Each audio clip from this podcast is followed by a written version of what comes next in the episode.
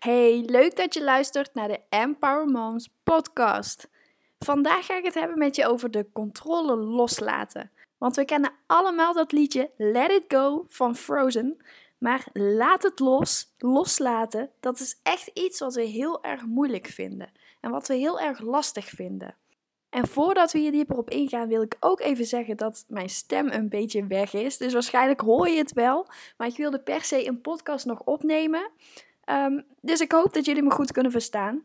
De controle loslaten. Dit is echt iets waar veel moeders tegenaan lopen. En het is ook heel erg logisch hè, dat je dat lastig vindt. Het is niet makkelijk om de controle los te laten. Want ga maar eens na, voordat je kinderen had, hoe was dat toen?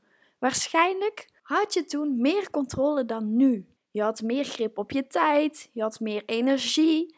En als je je wat minder lekker voelde, dan kon je wat meer tijd voor jezelf nemen. Het was allemaal net iets makkelijker. En op het moment dat jij kinderen krijgt, dan gebeurt er van alles. En heel je leven staat op zijn kop. Je ritme is heel anders. En dat zorgt ervoor dat je geen controle hebt over de situatie. Dat zorgt ervoor dat je dus weer helemaal opnieuw moet kijken van hoe wil ik mijn leven indelen? Hoe ga ik dat doen met een kind erbij? Een kind is onvoorspelbaar. Je kunt wel een idee hebben in je hoofd van hoe je dag eruit gaat zien of hoe je wilt dat je dag eruit gaat zien, maar in het echt loopt het vaak anders. En dan kun je heel erg vasthouden aan nee, het moet zo verlopen, want ik heb een hele lange to-do-list of ik heb gewoon heel veel wat ik graag zou willen doen. En als het dan anders loopt, dan kun je je niet blij voelen. Dan voelt dat heel erg frustrerend. Dat je dingen niet af hebt kunnen krijgen. En dat je je doelen niet hebt behaald. Want dat is geen fijn gevoel. En ik snap het ook helemaal, hè. Ik bedoel, ik heb dat ook nog steeds. Bijvoorbeeld, laatst kwam er iemand bij mij op visite. En twee minuten voordat diegene eigenlijk zou komen, had mijn dochter de pseudocrème te pakken gekregen. Ze had zichzelf dus helemaal ondergesmeerd. Dus heel haar handen, heel haar gezicht. Alles zat onder de pseudocrème. En ik had dus geen tijd meer om die hele pseudocrème van haar gezicht te vegen. En dan schaam ik me kapot, weet je wel. Dan denk ik, oh, wat voor moeder ben je nou dat je dit gewoon gaat laten gebeuren? Had ik die pseudocrème niet beter wat hoger kunnen zetten of wat op een andere plek neer kunnen zetten? Dan ga je jezelf dat helemaal kwalijk nemen.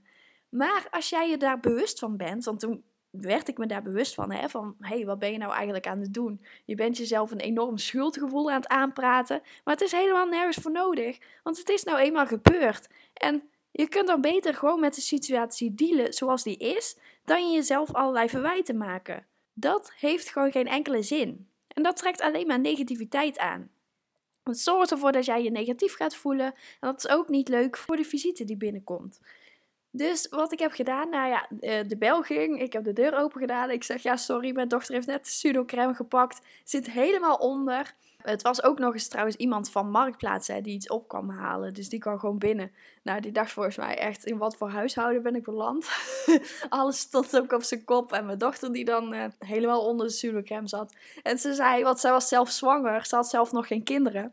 Zij zei, Oh, ik dacht dat dit alleen maar in filmpjes gebeurde. Ik wist niet dat dit in het echt ook gebeurde. En ze moest er eigenlijk keihard om lachen. Ik zeg, ja, dit is ook jouw toekomst hoor. en we hebben daar zo hard met z'n, met tweeën gelachen. En het was eigenlijk best wel grappig. En waar ik me dus in het begin voor schaamde. Van, oh, mijn kind zit helemaal onder de pseudocrème. En wat moet die vreemde dan wel niet van me denken?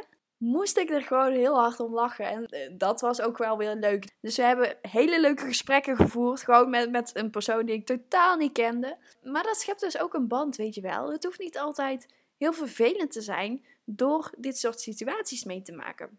Of een ander voorbeeld, weet je, mijn zoontje die vindt het ook heel erg leuk om op het moment dat wij uh, weggaan, om zichzelf helemaal onder te spugen. Dus dan moet hij weer helemaal nieuwe kleren aan. En bij hem is dat echt drama, want hij blijft dus niet liggen. Hij, hij is zo bewegelijk dat het echt heel erg lastig is om hem aan te kleden. Uitkleden gaat dan wel, maar aankleden met zijn armen erdoor en zijn romper aan, zijn shirt aan, zijn broek aan. Nou, ik ben daar minstens 10 minuten mee bezig. Dat is af en toe best wel lastig. En vooral op het moment dat jij dus eigenlijk de deur uit wilt stappen.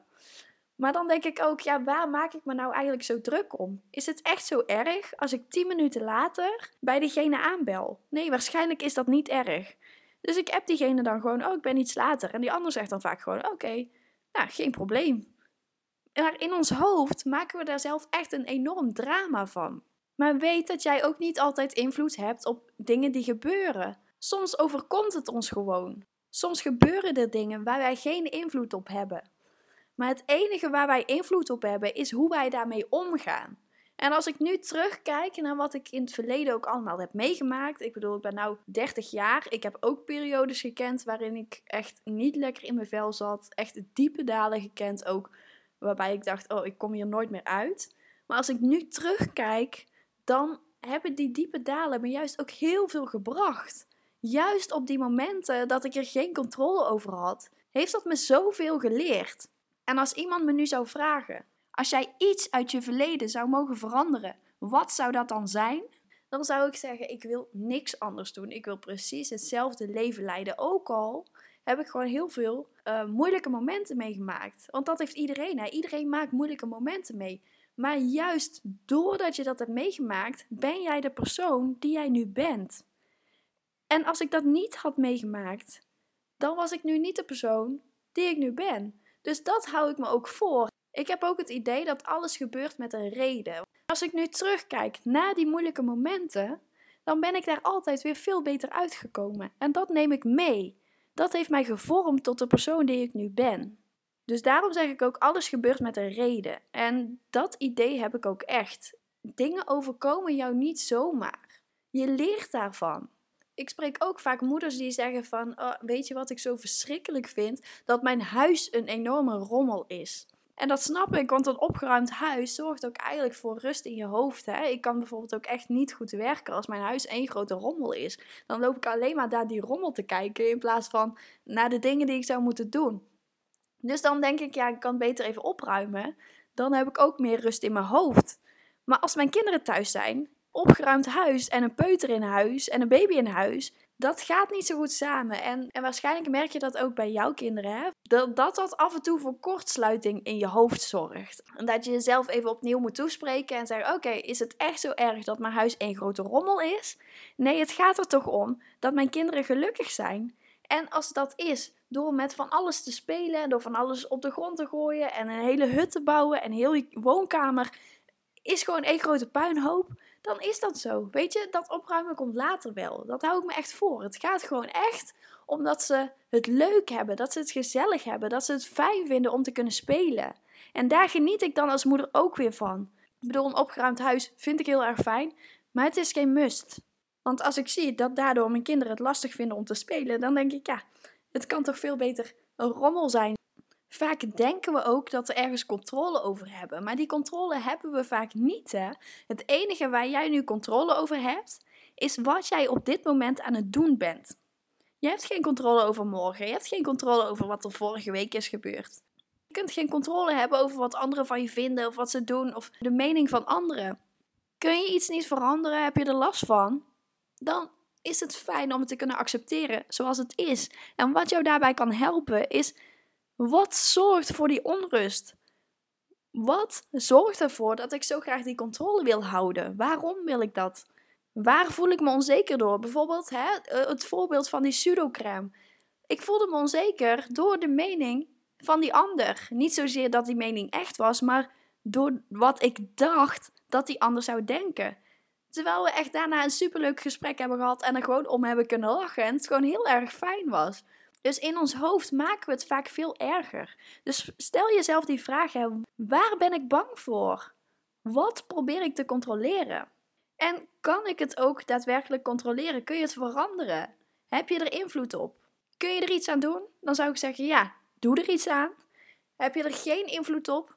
Dan laat het los. Dan heeft het geen zin om je er druk over te maken, want het kost heel veel negatieve energie. Dan kun je het beter accepteren en loslaten. En wat jou hierbij zou kunnen helpen zijn een aantal korte zinnetjes die je tegen jezelf zou kunnen zeggen. Hè? Een paar affirmaties heet dat ook wel. Bijvoorbeeld, het is goed genoeg, ik laat het los, het is goed zo. Dus zeg dit tegen jezelf. Zeg dit gewoon heel vaak tegen jezelf. Herhaling is heel erg belangrijk hierin. Het is goed zo. Nee, het is prima zo. Waar maak ik me druk om? Om de mening van die ander? Als mijn kind dan weer alles heeft ondergespuugd, ja, dan ben ik bang dat ik te laat kom. En waarom vind ik dat zo verschrikkelijk? Omdat ik het zelf ook niet fijn vind als mensen te laat komen. dan projecteer ik dat op die ander. Dus ben je hier bewust van? Waar ben je bang voor? Wat wil je hiermee bereiken? En als je dat weet, dan kun je er iets aan veranderen.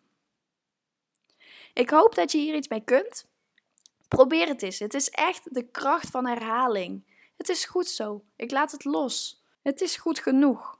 Ik ben benieuwd wat het je oplevert. Wil je meer informatie over mij of over mijn bedrijf? Ga dan naar empowermoms.nl. Bedankt voor het luisteren en tot de volgende keer.